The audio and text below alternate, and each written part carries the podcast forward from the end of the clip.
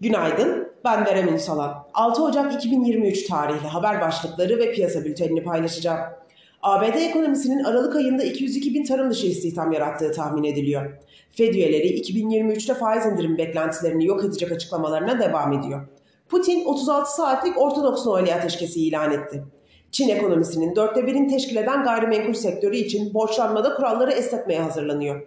Tarım dışı öncesi hisse senetlerinde Asya ve ABD vadelileri pozitif. Piyasalara genel olarak bakacak olursak pay piyasalarında teknik göstergeler Borsa İstanbul 100 endeksinde tepki yükselişleri oluşsa da satışların ve volatilitenin devam edebileceğine işaret ediyor. Küresel tarafta ise Asya endeksleri pozitif bir seyir izlerken ABD ve Avrupa endeksleri ADP özel sektör istihdam verisinin beklentiden güçlü gelmesinin etkisiyle günü düşüşle tamamladı. Merkez bankalarının verilere atıfta bulunması dolayısıyla bugün Euro bölgesi tüfe verisinin ve ABD'de açıklanacak olan tarım dışı istihdam verisinin risk iştahı üzerinde etkili olacağını düşünüyoruz. Bu sabah ABD vadelileri ve Alman DAX vadelisinde pozitif bir seyir izlenirken Asya endeksleri de hafif yükselişte.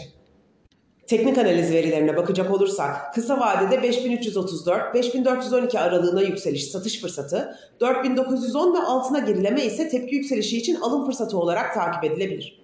Viyop tarafında ise gün içi long pozisyonlar için 5795, short pozisyonlar için 5961 seviyeleri zarar kes seviyesi olarak izlenebilir.